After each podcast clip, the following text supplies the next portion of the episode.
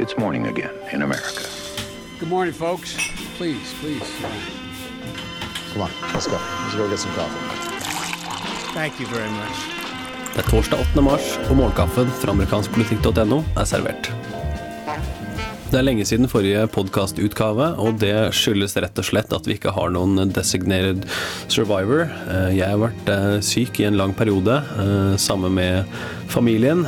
Beklager dermed at vi ikke har klart å levere Morgenkaffen som podkast. Håper nå vi er tilbake hver eneste ukedag, fra mandag til eh, fredag.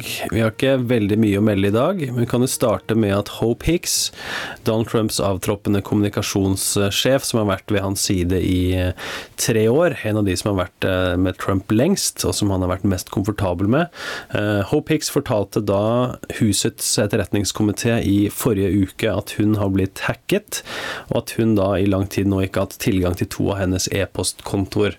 Og Det er jo en liten nyhetssak som er uh, smått ironisk, tatt i betraktning alt det fokuset på e-poster og hacking vi hadde i 2016. Denne gangen er det da en av Trumps nærmeste uh, som snakker om potensielle for e-poster på avveie, mens det da i 2016 så klart handlet om Hillary Clinton og hennes rådgivere. Dagens lille hovedsak, eller godbit, om vi kan kalle det det, er det som skjedde i Texas etter primærvalget der på tirsdag. Ted Cruz, senatoren, har nå fått sin demokratiske motstander, Beto O'Rourke, kongressmannen fra Texas eh, sitt 16. distrikt 16. distrikt. Det disse to har felles, er jo da at Cruz, Rafael Cruz, kaller seg Ted, mens Robert O'Rourke, da helt siden han var liten, kalles Beto. Så det har de felles. De har begge et, eh, et kallenavn eh, som, eh, som, benyttes. Og Ted Cruz, man skulle kanskje tro at han ikke ville benytte seg av dette som en måte å angripe O'Rourke på. Vi kan jo her høre radioreklamen som eh, senatskampanjen til Ted Cruz lanserte kort tid etter det ble klart at Beto O'Rourke blir hans demokratiske motstander. Og hvis du lurer på melodien her, så er det Alabamas If You're Gonna Play in Texas, You Gotta Have a Fiddle in the Band.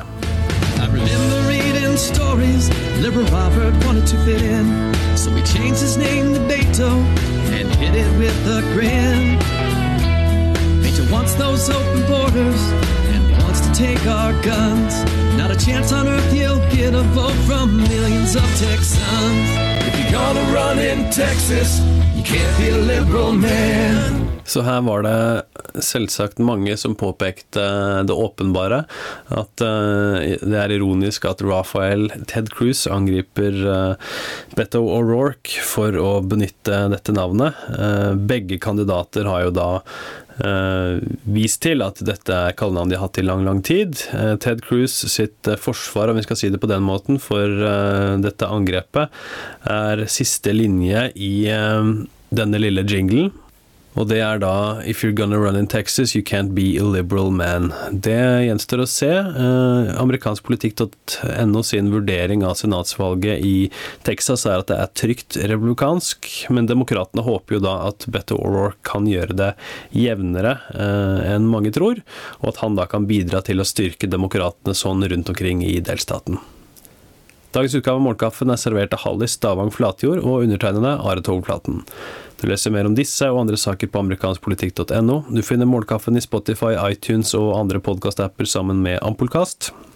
For at vi skal gjøre podkasten her så relevant og god som mulig, så trenger vi litt feedback. Eh, gå derfor til ampol.no kaffetips. Bruk et lite minutt, og så blir det automatisk med trekningen av en eksklusiv Ampol-kopp som du kan drikke morgenkaffen i. Vi setter utrolig stor pris på alt vi får av innspill, og håper vi hører fra så mange av dere som mulig. Gratulerer med kvinnedagen, og så snakkes vi i morgen.